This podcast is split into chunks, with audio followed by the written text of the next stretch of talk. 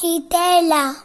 En este primeiro programa de radio de o ano 2024, os nenos e nenas de 5 anos gustaríamos falarvos de un libro titulado 20.000 leguas de viaje submarino.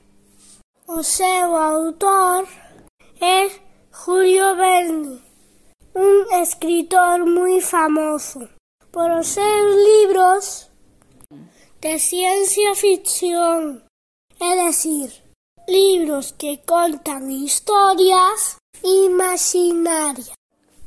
Todas as aventuras deste libro pasan dentro de un submarino chamado o Nautilus. O submarino era un aparato Imaginario de Julio Verne. E só uns anos despois inventouse o submarino real.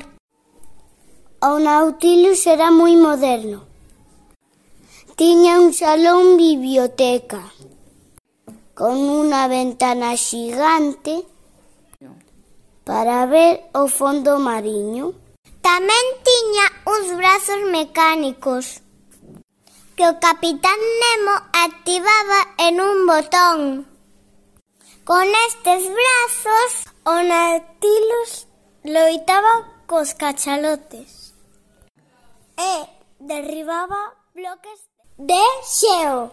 Por último, no Nautilus había trases de buzo e escafandras coas que os personaxes da historia podían pasear por o fondo mariño. Mente mi legua de viaje tumarino. Eta nota biblioteca. Orere, collelo. Emprétano! E ata aquí o noso programa. A pregunta que vos facemos é Como se chamaba o submarino do libro de Julio Verne? Repetimos. Como se chamaba o submarino do libro de Julio Verne? Gracias por escutarnos. Ata a próxima.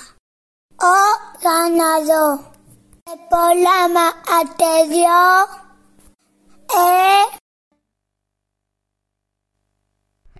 de terceiro.